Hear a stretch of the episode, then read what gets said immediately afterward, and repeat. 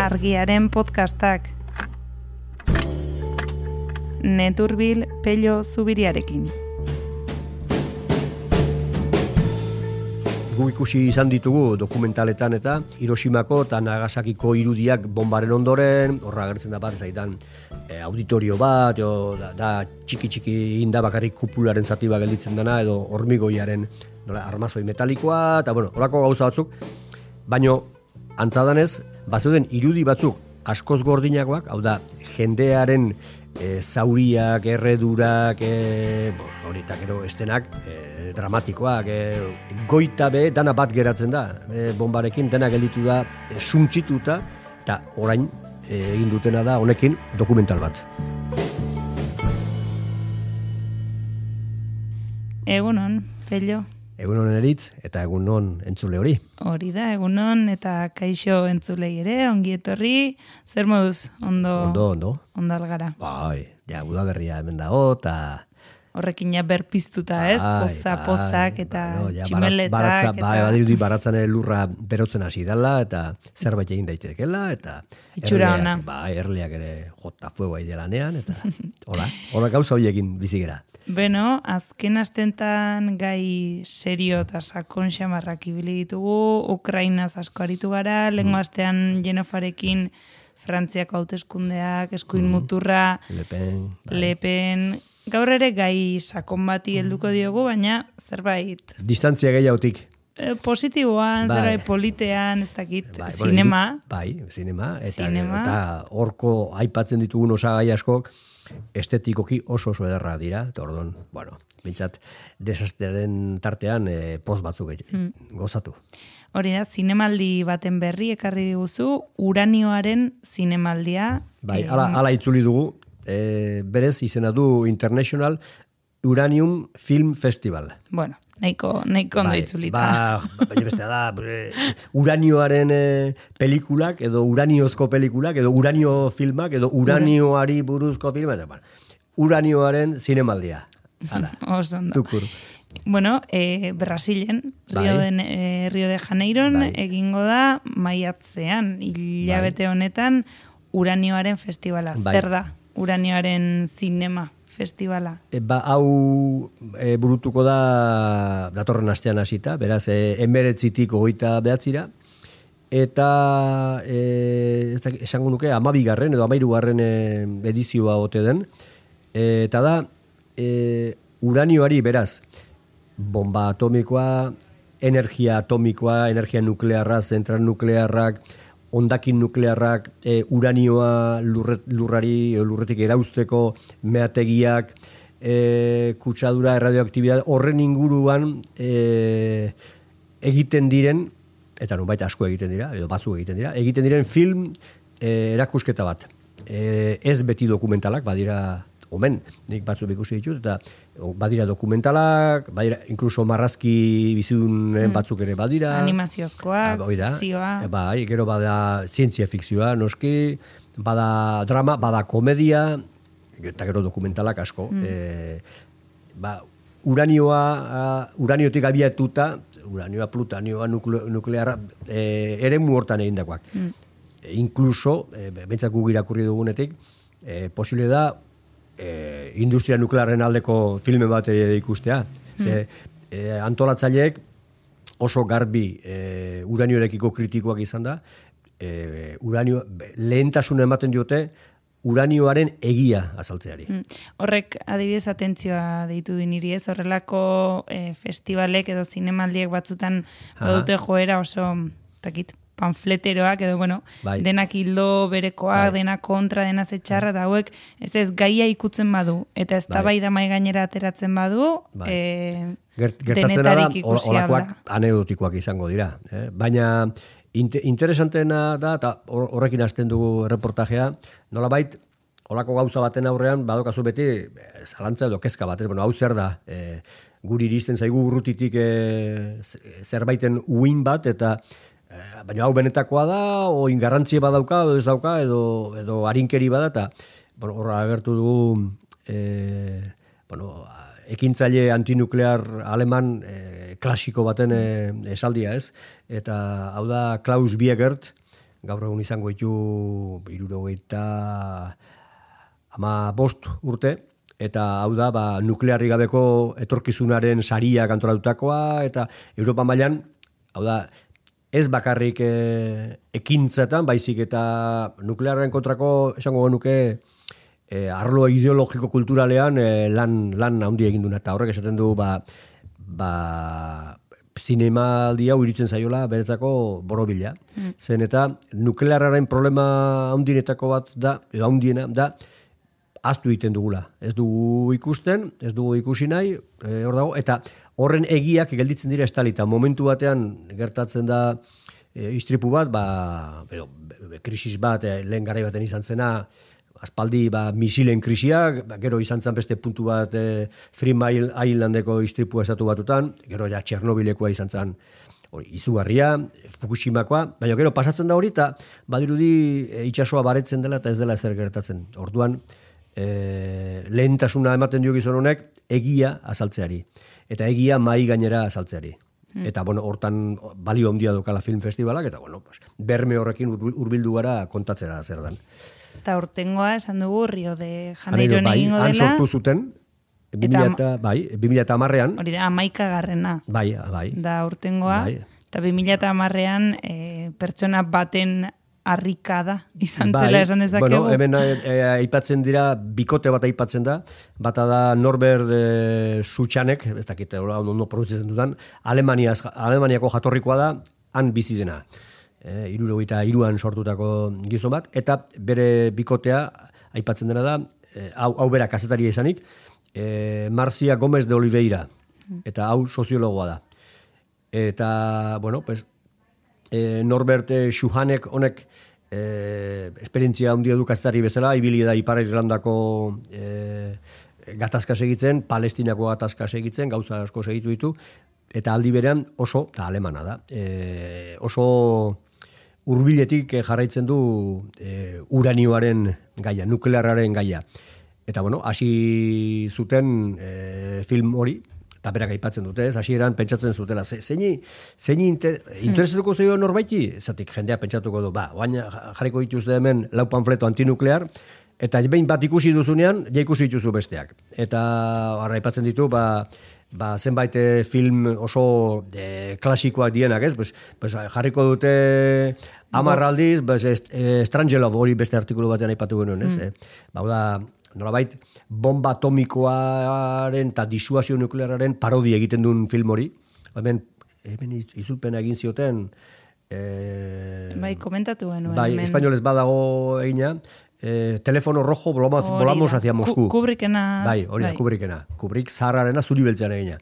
Edo beste pelikula bat, Godzilla, mm. ba, katastrofista, eta hori, antolatzaile pentsatzen zuten ez, hau, eh, honek funtzionatuko du edo ez du eta ez ez berak arkitu hartu ziren gauza asko publikatzen direla munduan jende asko ari da honekin e, pentsatzen aztertzen bilatzen filmak egiten eta mm. bueno pues ja ba, baituzte es, Zera, sesio batzuk egin dituzte, bai, edo edizio batzuk egin dituzte. Zerlantza zuten nahiko film eskuratuko zituzten ere ez, eta ah, urtengoan bai. adibidez berrogeita bat, bat eh? Denak ez dira urtengoak, ba, bada baten bat e, adibidez 2000 eta zortzikoa, hor zerrenda osoa, e, loturetan, interneteko bersioan argian jarriko ditu, jarrita daude, e, loturetan, ba, bai programazioa, eta guzti, berroita bat agertzen dira, badira 2000 eta oiko, 2000 eta parkatu, zortzikoren bat, 2000 eta amaikako pare bat, baina gehienak dira aurtengoak batzuk, 2000 eta oita bikoak, oita batekoak beste batzuk, e, bueno, zinemaldi guztietan bezala, denak ez dira estreinaldi mundial mundialak, batzuk badia, badaude mm. lendik estrenatuak, inkluso sarituak ere bai, eta, bueno, guk hemen e, batzuk aipatu ditugu bai. Mm. Ta urten Rio de Janeiro da, baina esan behar dugu mundu mailako zerbait izanik e, herrialde ezberdinetan e, bai, egin izan dela, bai, ez? Ez dela beti Brasilen egiten den bai, eta hortan, e, posa ematen dizu ikustea antolatzaileek, beren arrakasta e, lortu dutela e, behintzat e, munduko beste leku batzuetan e, beraz, gainera leku e, nolabait, ez da, ikonikoetan e, deitzea, eta esate, etorri ziste honea, hemen ere nahi dugu e, zinemaldi hau ikusi. E, ba, egin, egin dute hola buruz ari naiz, ba, hor zerrenda badago, baina e, Jordanian, Almerian eginda edizio bat, berrikitan, e, Almerian, Espainian, eginda Alemanian bat baino gehiago, e, eginda, bueno, Brasilen, eginda estatu batuetan, eta estatu batuetan bi aldiz egon dira, e, Nabajoen e, lurraldetan, zen eta e, Nabajoak dira beste kaltetuetako, hemen aipatuko jugu gero, kaltetuetako jende bat, baina Nabajoak dira behar bada lehen da biziko kaltetuetakoak, estatu, estatu batuetan bertan, alde batetik, bomba atomikoa, eta gero zentral nuklearrak egiteko uranioa ateratzeko meategiak beren lurraldetan zeudelako, eta gero e, bomba sortutakoan lehen da biziko ensaioak beren lurraldetan egin zituztelako. Orduan, bueno, e, handik ditu zieten, jundia bi do irutan, bueno, horrek erakusten du e, nazioarteko jartzun bate badokala zinemaldi honek, eta alde hortatik oso interesgarria, e, iragazki edo filtro pasatuta iristen zaizkitzun dokumentalak eta badirudila mm. badokatela berme batez o e, e, aipatzeko moduko garrantzi bat. Mm. Ba, sartu gaitezen pixka eta urtengo festivalean, ze artikuluan e, dokumental pilo bat aipatzen dituzu, mm. oso interesgarria direna, bai. trailerrak ikusten ibili naiz, bada interneten ja ikusgai denik ere, bai eta pixkat e, aztertuko dugu ze film dauden, aipatzen duzu bat, aurtengo izarra mm -hmm. izango dena e, Atomic Cover Up, bai. E, izena du filmak, eta trailerra entzungo dugu. Later arriving in Hiroshima, I learned that it was entirely different. Nagasaki is hilly, and anything in the valley was destroyed by the blast. Anything on the other side of the hill wasn't even touched. In Hiroshima, the devastation was wider because it's all flat land. There was nothing there to resist the blast. So it just spread out like a Zertaz, zertaz doa filma, ba, estatu batuetan ekoitzia da, ez? Hori da, bai, e, hau Euskaraz e, eman genezake e, Atomic Cover Up, hau, cover up, hau, ba, eskutatze atomikoa edo atomoaz estalitakoak, edo, bueno, e, hau Greg Mike, e, Mitchell, e, Mitchell edo, zai, Michael ez da izango, Mitchell irakurriko da, Greg Mitchell, e, kastari veteranoak egin du, honek titulu berarekin lehenago liburu bat egin zuen gai hortaz. Eta gaia da, e, dakizuen bezala, lehen biziko bi bombak atomikoak, eta gainera, e, benetan gerran erabili dianak, izan dira, e, Hiroshiman bata, eta handik berela Nagasakin. Izan, mila behatzireun eta e, berroita bosteko maiatzaren hasieran. E, ja, hoiekin eta hmm. Berlinin eraurketarekin, oantxe ospatu da e, garaipenaren eguna, ba, mundu zabalen alegia, e, hor bukatzen da bigarren gerra mundiala. Ta, bi leherketa atomiko hien biharamunean, grabatu ziren e, irudi batzuk, egon direnak eskutuan, ez, baizik eta baituta egon direnak, ia gaur arte. Eta denak ez dira berreskuratu e, hau da, gu ikusi izan ditugu dokumentaletan eta ba, Hiroshimako eta Nagasakiko irudiak bombaren ondoren, horra agertzen da bat, ezaitan e, auditorio bat, o, da, da txiki txiki inda bakarrik kupularen zati bat gelditzen dena, edo hormigoiaren nola, armazoi metalikoa, eta bueno, horako gauza batzuk, baino antzadanez, eta, eta hemen erakusten danez, bazuden irudi batzuk askoz gordinagoak, hau da, jendearen e, zauriak, erredurak, e, bos, hori takero estenak, e, dramatikoak, e, umeak, e, klar, dena goita be, dana bat geratzen da, e, bombarekin, dena gelditu da, e, suntxituta, lurrean, rasean, eta han, pues, umeak galduta, edo animali batola, edo aitona bat zaurituta, ez da gizera, eta hor daude, irudi pila bat, e, makartur generalak, e, biaramonean e, baitu arazi zituenak. Irudi horiek hartu zituzten batetik, e, ordurako telebista edo, edo, edo oza, ekipo japoniar batek e, grabatu zituen, horiek zuri beltzean omen daude. Eta gero, aldi berean, estatu batuek beren armadarekin baita ere bialtzen zituzten e, e, grabatzera. Eta hor, horiek hor daude irudiak koloretakoak. Hmm. E, oso dramatikoak. Eta eskuta egon direnak. Horietako bat, hori da. Orduan, liburuan, honek, Greg Mitchellek kontatu zuen nola izan zen prozesua. E, esango genuke, nik irakurri dutan agati bintzat, e, demokrazia liberalaren defendatzaile den e, demokrata kastari batek egiten duen jarraipena, ez? E, nola da guk eskubidea genukan herritarrok ikusteko irudi horiek eta nola zeinek zer nun noiz erabaki du eta hori prozeso guzti hori. Eta nun daude irudi horiek. Eta orain egin dutena da honekin dokumental bat guzti horrekin. Lortu dituzte bai, irudiak. Irudien parte bat lortu dute eta gero, noski, e, gaia, hau da, nola estali dute, nola egiten da e, errealitatearen estaltzea, hmm. etxa berroita bostean gertautako gauzak, hmm. eta e, noski hori irudi horiek erakusten badizkiozu jendeari, e, atomoaren propagandista handi batzuk ere pixika bat bentsat, tripako binen bat sentitu behar dut. Bai, ez zuk diozu gaur egun besteari garela gerra nuklearra hitz egiten irudi hauek ikusita e, utziko diola gerra nuklearra ba, gutxi esteari egiten duenak. E, zuk e, zure mobilean erabili ezakezun, autobusen erabili ezakezun bideo joko batekin nahi zerrela. Hmm. Baina, baina ikusten dituzunean e, ondorioak, ba, hori hori beste gauza bada ez. Eta radiazioaren ondorioak, jakina denez, agertu daitezke bihar etzi hamar urte barru eta berroita hamar urte barru ere. Baina ja bakarrik biharamunean bertan horrek utzi duen, e, utzi ditun markak, hori soportatu inberdia irudiak.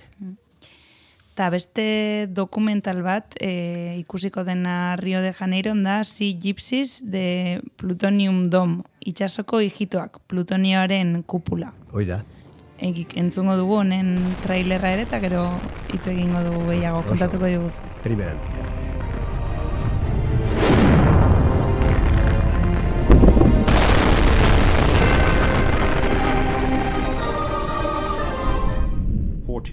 years of Hiroshima bomb every day. Beno, eta film honekin Marshall Uarteetara egiten da bai, bidaia. E, film hau, e, gainera, e, esan behar da, argiako loturatik, bueno, interneten ere, titulua jarrita aurkituko duzu, eh? Ez da gita YouTubeen ala Vimeoen dagoen. YouTubeen, bai. YouTubeen dago. Eta osoi dago, oita mabos minutu edora. Bai. Ikustekoa da, ze oso erresa da ikusten, irudiak zoragarria dira, ze... E, hor badago fam, famili bat e, bizi dena itsasoan e, belauntzi txiki batean eta bizi da pues hijito edo edo ibiltari bezala e, eta bueno gero gizonak hitz egiten du batez ere neskak baino gehiago bi ume dituzte han ikusten dira e, belauntzian korrika Eta bueno, pues, e, ba, ba, mundua izurratu dugu, eta orduan e, guk e, bizine dugu hola, ez, ez dakigu noiz arti iraungo du, eta guk bintzat bizine dugu hola. Hori da, pixka laburtu eta beren filosofia.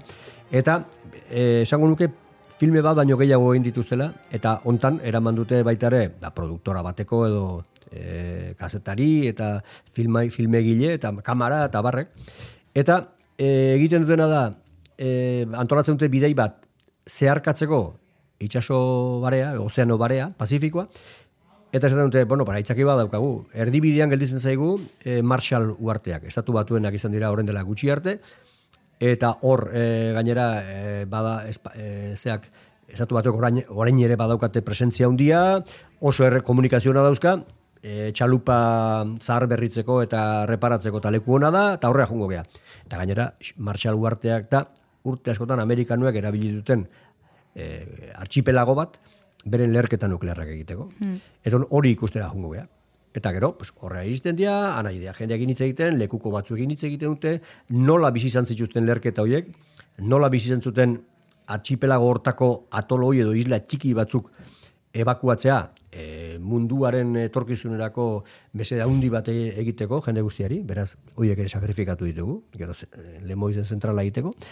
Eta E, orduan, hoiekin hitz egiten dute, eta nola bai, aitzakia da, esaten dietela, batzuk eta beste baino, han goien badago uarte bat, ua bai dala peligrosua, area ez da inor juten. Ha, ez da, han zer dago, pues han dago ilobia. Ilobia, ilobia deitzen diote. Bai. Eta, eta bueno, noski, petxatzen du jakingo zutela hauek, eta orduan, ara joaten dira, eta doaz, doaz e, itxasi jitu hauek, beren belauntzerekin, bero txalupa batekin urbiltzen dira, eta neskak uzten ditu artean, pues, ez dakit, bi edo hiru edo uzten ditu, eta bueno, eh, han hartzen dituzte irudiak, zer dan hori. Eta hori da, e, kalkulatu dute, amabi urtean, hor pilatu den, e, osea, pilatu den lerketa nuklearrak, ja, ez dira, Hiroshimako lerketaren tamainakoak, asko zaundiagoak. Bueno, bat, denak neur, neurri bitzat erabiliz Hiroshimako bombaren e, almena, suntzitze almena, amabi urtean hor bota ikusten bombak, dira, egunero Hiroshimakoa bider bat kakotx bost eh, bat eterdi ainako e, txikizio almena radioaktibidade eta guzti hori. Da hor, hor bota dituzte, pues ez dakit, dozenaka batzuk bombak, eta horiek utzi dituzte ondakin batzuk. Eta ondakin horiek nunbaite lurperatu edo itxasperatu edo behar dira.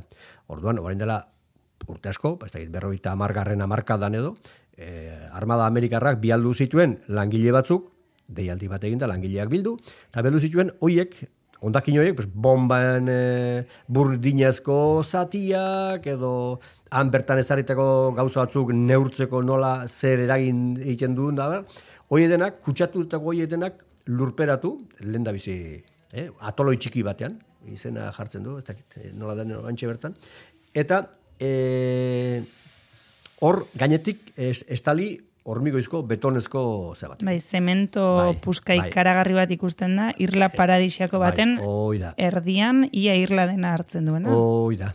Eta, han, hauek, eskifaieko hauek, ikin dute, pues, pare bat pintada esan ez, eh, jankiak, beak ere jankiak dira, jankiak, eramaitza zuen zuen ondakinak etxera, hauek zuen utzi dituzue.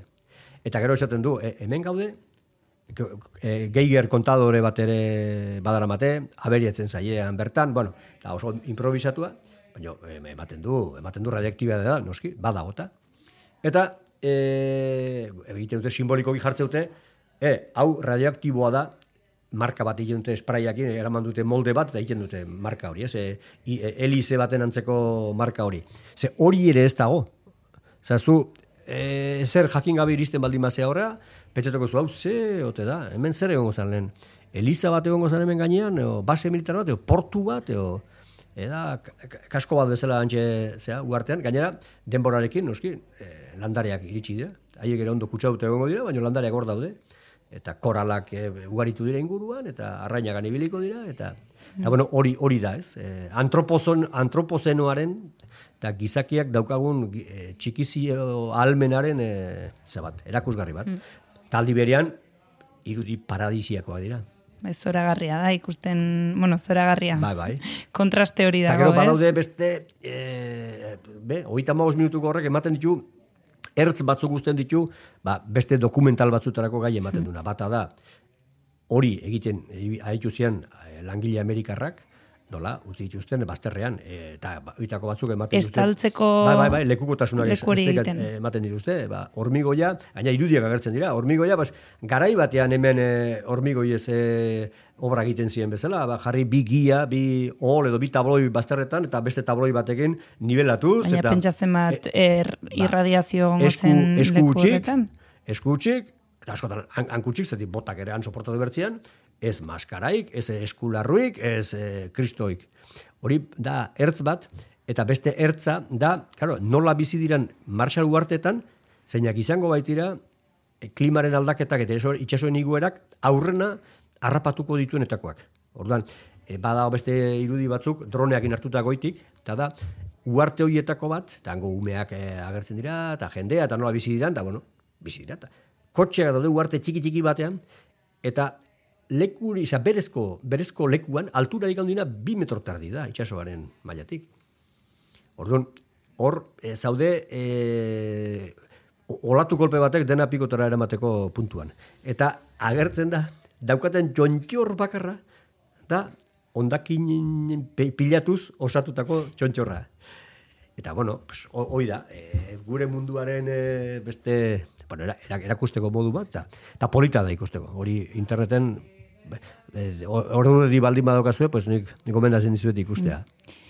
Bueno, aipatu ditugun bi filmak e, leherketa atomiko bai. ez, leherketa nuklearrez dira, bada beste gai bat ukituko dena e, zinemaldian, eta da mehatzaritzarena, bai. uranioa ateratzeko bai. mehatzaritzarena, eta hor bi film aipatzen dituzu, bada Bretainia erradiatua bai. filma. Bai. Zer kontatzen Ni, nire harritu naiz, bueno, ba, Bretainian e, ibili ziren e, ez da, uranio bila edo e, geo Bertainia leku granitikoa da, horre esaten da baita ere, ba, Galizian bezala, ba, e, berezko gas radon radioaktiboara izaten dala eta historia, baina hor egon ziren e, zerak, e, uranio mina meategi batzuk, txikiak, e, aspaldikoak, berroita margarren amarkadakoak, frantziak ere potentzia nuklearra izan nahi zuen, eta lortu zuen.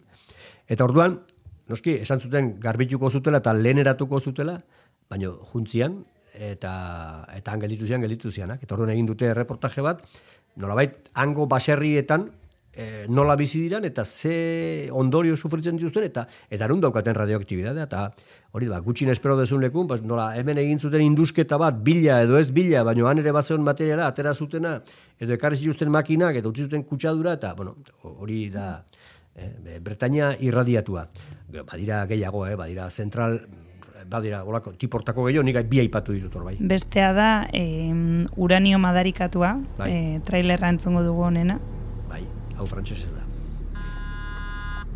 Donc là, on va essayer de mesurer la radioactivité ambiante.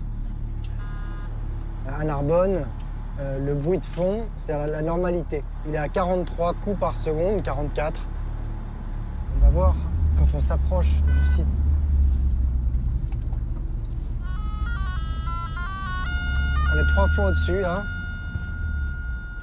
À Nigerren kokatzen da eta Frantziako e, zentral nuklearrak elikatzeko nigerretik ateratzen dute Noski, ze, uranioa. Bueno, e, izena berez du, eta hori arkituko zuen, l'uranium de la coler, e, itzuliko nuke zuzenean, e, aserrearen uranioa, edo e, liska, liskar, liskarrezko uranioa, edo duguna ez, uranio madarikatua. Eta orduan, e, dokumental hontan erakusten dituzten nolabait, industriaren bi, bi osea, industria jardueraren bi muturrak. Hasierakoa eta bukaerakoa. Orduan, e, jakina da Europako herrialderik nuklearizatunetako da Frantzia dela, e, gehiena, e, gehiena edo gehienetako konsumitzen duna e, bere argindarrean da e, zera, e, nuklearretatik. Eta orduan, hori e, elikatzeko uranioa ateratzen dute Malin eta batez ere Nigerren ze, beraz Afrikako Saheleko eskualdean. Mm. Eta orduan, bueno, pues hor iriki dituzte meategi batzuk, beste batzuk itxi dituzte, beste batzuk segitzen dute, eh, lehen areba izena zuen, eh, Frantziako eh, eh, gai hau gera matetun multinazionalak, oain eh, orano edo orania edo olako izen bat dauka. Eta eh, orduan, bakatu, orano, bai, orano. Eta orduan horra agertzen da, parte batean, eh, nola bizi duten eh, radioaktibitatea, Nigerren, Arlit izeneko zonan, eta Arlit esan da, e, behar bada, baten bat gogoratuko da, e, Frantzia eta Afrika esan da gaur egun, okurtzen zaio bati, e, jihadistak eta Frantziako armada e, jihadista gaizto hoien kontra, eta bar, hori dena, uranio gabe ezin da, ezin da ulertu. Eta orduan, e, bueno, ba, Arlit herri hortan, ba, kasdaria joan dira, batetik meategia ikustea, baina gero bestetik ikustea, meategietan ibili direnak, eta herria bera, ze noski, inguru desertuko hortan, eh, aizeak eh, barraiatzen du hauts hori alde guztitara, hauts hori hori. Eh, uranio festivalari ere kolore ematen dion hori hori. Hori da parte bat. Pero uranio horrekin egiten da erregai nuklearra, hortik atatzen da argindarra, argindarrekin gu berotzen geha etxean, goxo goxo, fenomeno, ba, argindar berdea, iberdorolak esango litzuken bezala, eta gero horren ondakinak noa bat jokun behar dute. Horre erakusten digute noa dijoa zen. Eta doaz kasu honetan, beste leku batzuetan gain, Narbonara. Narbona dago Kataluniaren iparraldean. Ipar Katalunia baldin bada perpinan, hortik gora dago Narbona, pues, e, Greziaren garaietatik eta batez ere erromatarren garaietatik, herri bueno, politia oso, monumentala, eta hori. Ta hantxe kanpo aldean dago, uranioazko ondakinak tartatzeko bueno, ba, zabortegi erraldoi bat. Eta nere, pues, egite dute beren inkesta, eta tartean dago, e, arduradun bat esaten dira, ez ez, hemen ez da, ez zer gaizki egiten, hemen e, fenomeno, ze, jode, behiratu, dana dago ondo seilatua, dena ondo estarita, eta hemen, ondakin hauek geldituko dira, hombre, hoi bai, milak urte batzutarako, baina e, primeran geldituko dira. Bueno, holako gauzak. Hmm. Eta, bueno, e, orain arte dokumental nahiko klasiko, edo, bueno, bai. ba, leherketa atomikoen ondorio ez hitz egiten dutenak, e, uranioan mehatzaritzat, Eta orain beste proposamen bat, e, zinismoa maite duten entzat, hmm. diozu, eta hau da, Estalkin Txernobil. Bai. Entzun dezagun. Chernobyl was paradise. Utopian space where human progress and nature meet each other.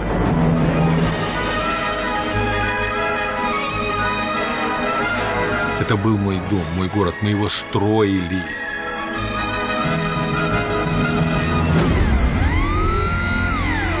И в один момент все рухнуло.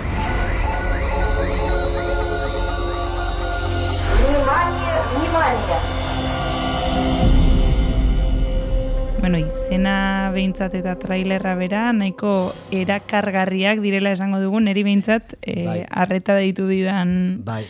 dokumental bada. Estalkin hori ez nekin nola itzuli, eta azkenean jarri dut eh, eskutaketan Txernobilen, baina Hmm. esango nuke, estalkin, ondo ulertu baldin badu, zan, ja ez naiz gaztia, eta hoi zuek ondo ez autuko zuen. Eta nolabait, eh, legalitatearen edo eh, logikaren mugetan egiten Mugan. dian eh, Mugan. eh, ez dakit, abenturako jokoiek, ez dakit hemen egiten dian astakeri asko bar, barkatuko jaten zulen bat, eh? baina eh, ez dakit berroita mar mendi eh, ez dakit eh, laroita zortzi ordutan egitekoak eta ez dakit estalkin dian, ez dian, netzeko ala iritzen zaizki. Baina, bueno, pues, izango genuke, pues, eh, ba, hori, ba, muturreko jarduerak, E, eta kasu hontan, nun eta Txernobilen, orduan, ba, nunbait modan jarri da turismo klase hori, badaude turismoa modu neko arautuan egiten dutena, baina badaude beste turismo ez arautuan ere egiten dutenak. Orduan, pues, e, e, edo, bainatzen zea hango uretan, edatzen dezu hango ura, e, igotzen zea hango, zea, ba, urte guzti hauetan abandonatutako, e, beti mitikoa da hango jolas parkea. Bai, noria... Hori da, orduan, bueno, Noria pues, eh, fantasma hori, handik egiten duzu ez dakiz ze ariketa, edo saltatzen duzu ez dakiz nundik. Puentin egiten duzu, Hori, bueno, hortaz dago, nunbait, eh, materiala dago, eta horrekin egin dute beste bat. Duzu, bueno, ba, baina horrek ere, e, segun nola begiratzen duzu, hor- horrek ere erakusten du zer dan Mm, nuklearra. izugarria da, ez? Nola banalizatzen den, Bai. puntu batean... Baina aldi berean, jolas horrekin, e, igual nahi gabe, baina erakusten dizute zer dan. Osea, hori erakusten baldin bauzu serio, esango dizute e, film apo- apokaliptiko bat egin duzula. Eta erakusten duzu katxondo pixka batekin, eta segitzen du ap- apokalipsis bat izaten, baina, bueno, pues, eta eskertzen da. E, ni bezalako zozo batek ere, di, divertitu dezake, erra- eh, tarte batean pasa dezake ondo. Eta amaitzeko, e, beldurra maite dutenentzat laugarren mundu gerra. Oian ez segitu hori pentsatzen dut e, gure irakurleak batez ere gazteren bat egin zuten baldin bagaitu, seriak eta segituko dituztela, ez dakit ze katetan eta nola, baino hor ez bat gaizki ulertu, hori serie bat izan da. Laugarren gerra mundialaren inguruan indako serie bat, gero gainera, batzuk aipatu dute, horren erreferentziak ikusi ditut nik, ba, Ukrainieko aipatuz, ba, honek eh, aurreratu zuen, ze gertatu behar zuen Ukrainian, da, ez dakit. Baina film, eh, film festival hontan, zinemaldi hontan aurkezten dutena da, horren atal errealistekin eta e, egindako eh, eh, horreti izena du eh, laugarren mundu gerra, baina deitzen diote eh, zeak eh, re- The Real Cut edo lako bat. Horran, eh, edo korte reala o Zati errealistenak Bueno, hartuta egindako... behintzat serie bat izanik, beak presentatzen dute eh, larogi minutuko gauza bat. Eta, bueno, hori aipatzen dute aurkezleek eta eh, zinemaldikoek, pues, hori dela beste, beste tonua. Osea, zientzi fikzio, distopiaren, eh, ba, bueno, hori ere gustatu bartzaizu, eta Beraz, Beno. ba- bada hor, bueno, eta gero badaude, ba, mila gauza, badaude filme bat baino gehiago, Japonian egin dituztenak, errefuxiatuen inguruan. Hau da, bai Fukushiman edo inguruan gelditu direnak, beste batzutan ara itzuli direnak, eta beste bat behintzat badago, nolabait ezin dutenak itzuli. Eta orduan kontatzen dute, baina oso modu minimalistan, baten bat, e, bat dago osorik e, ja jarrita. Orduan oso modu minimalistan ikusten duzu, e, ba, hori, ba, IES egin berri izan duten familia baten eh, drama, a, e, ba, ofizio bat daukazu zu Fukushiman, e, Tokion etzea inor, egin behar duzu zure ez dan beste lan bat, e, umeak aurre atatzeko ere ez daukazu a- ahalmenik, e, familia laundu behar dizu, senar emazten arteko harremana era bat korapilatzen da, bueno, baina hori dena minim, oso minimalista, baina hori ere bada errealitatea. Bai, gai orokor Hori da, handiago bat ukitzen duten bizipen Ba, ba, ba, pertsonalak. Ba, pentsatzen dut hain, ba, Ukrainiakoarekin eh, egin daitezkeen bezala beste mila, e, drama gure ondoan seguru gertatzen nahi dienak, eta gehienonak, gehienok ikusten ez ditugunak, pues, eh, ez gaudelako hortan. Beno, ba, hauek guk e, uranioaren zinemaldi horretatik, rion egingo den zinemaldi horretatik ekarri ditugun aletxoak, esan dugu berrogeita bat film Bai. e, izango direla ikusgaian, eta joango gara pixkanaka film hoiek osorik ikusteko aukera izaten, da batzu dagoeneko baditugu, ba, esan dugu bezala YouTubeen, Vimeon, ikusgai, ez dakizu gonbidatu zaituzten riora, ez, ni, ni ez, ez, baina badakit argiak eh, no- normala da bezala, sare sozialetan eta eh, eh, aipatzen ditu bere, bere albisteak, bere gaiak eta, eta horren badakit haiek erreazionatu dutela, eta eh, galdetzen ziotela argiako bati, haizu, jo, ba, gu gusto jongo ginak eh, egingo genuke edizio bat Bilbon. Bilbon. Pentsatzen dut Bilbon, ba, eh, mapan begiratu dutelako, Basque, Basque Country eta Bilbo agertuko zail, ez dakit, beak edo zautzen duten eh, erreferentziaren bat gai hauetan dagoen zinemaldi bataz, edo esan duten Euskal Herrin egon daitezken, ze, ba, Baionan badira gauzak, Donostien badira, Bilbo badira, eta egia da, ba, ez litzakela txarra edizio bat egitea, hemen, hemen batetik nuklearrak iaia euki genituen, bada historia hemen Bai, ere. Beste aldetik nuklearrak oso ondoan dauzkagu, ez bakarrik garoñan, e, bordelen dauzkagu, lau erreak, erreaktore, problema bat sortuko balitz, e, gu harrapatuko gintuzketenak. Eta, bueno, e, gai horren inguruan baita ere badaude militanteak eta mugimenduak txiki edo handi baino mugitzen direnak, bueno, elitzak etxarra, hemen pare bat hiru bat urtera, eh, Uranium Film Festivalen adar bat eh, hemen gertatzea, ez dakit edo beste zinemaldi baten babesean, ondoan, aparte, edo, bueno, hori hor gelditzen zaie, a ber, irakurrema baldin badago zinezalea, eta mundu hortakoa, animo eta jarri harremanetan eh, rioko hauekin, oso, oso eskuragarria da jendea, eh? Bai, bai, gu kontaktuan segiko dugu, eta bidatzen magaituzte urrena egingo dutenera, ba, ni lagunduko dizut. ez- Ni ez jongo, ni rioren ez jongo, baina zuek joan, eta zuek ondo pasatu.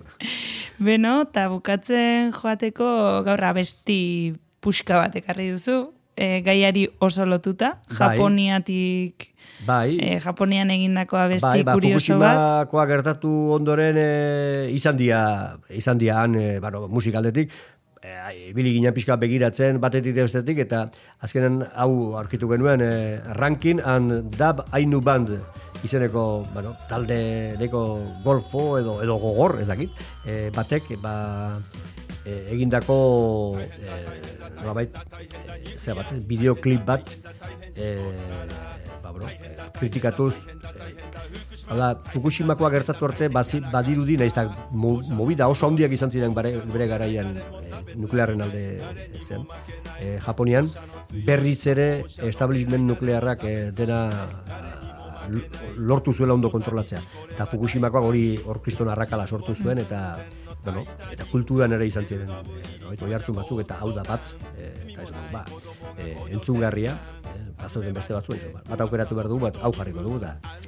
Ba, hori entzuten bukatuko dugu, Hori da. eta eta espero entzuleak jarriko direla e, proposatu ditugun dokumental hauen bila, eta la espada, ba, loturak beti bezala argian, eta, eta gero oso importantea egun hauetan gozatu udaberriarekin, eguzki ez nuklearrekin, eguzkiarekin, eta naturaekin, eta bizi, bizi uros bestiak esaten du bezala.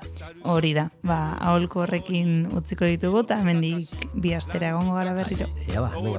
Agur, pello. Aio, aio, aio. 推進派反対派東電関電南電関電男女子供大人朝日文春恵比寿キリン白人黒人声優大系トヨタ日産イラクイラン放射の強い放射の偉い誰も差別しない。誰にも負けない。放射の怖い放射のやばい。誰にも見えない。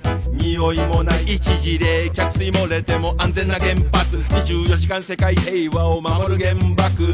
惨事が起きるまで懲りない性格用心知ってても起きるマヌケな単純ミス上手な宣伝メディアの威力甘い雰囲気狙いはサブリミナル加熱で新聞ぶち抜き広告信じてるうちに風が吹いてくる放射の強い放射の偉い誰も差別しない。誰にも負けない。放射の怖い。放射のやばい見えない匂わない。誰も逃げられない。例えばビヨンセペヨンジュン。アンアンパンマンウルトラセブンレベルセブンダブアイヌバンドグリーンアイランドソフトバンクハードパンク松ピー清松ピーひとしザクマクゴジラモスラポリスコソドロ社長先生マイコマイコハンタモリタケシ松屋スキヤ高田様放射の強い放射の偉い誰も差別しない誰にも負けない射の怖い放射のやばい見えない匂わない誰も逃げられない。放射の食らって死んじゃうなんていやいやよ。ダダ漏れなのに止められないなんていやいやよ。生まれてくる子供に恨まれるなんていやいやよ。豊かで不健康な暮らしなんていやいやよ。放射能で愛が強まるか？放射能で賢くなれるか？放射能で戦争なくなるか？放射能で笑顔がこぼれるか？放射能強い放射能偉い誰も差別しない。誰にも負けない。放射能怖い放射能やばい。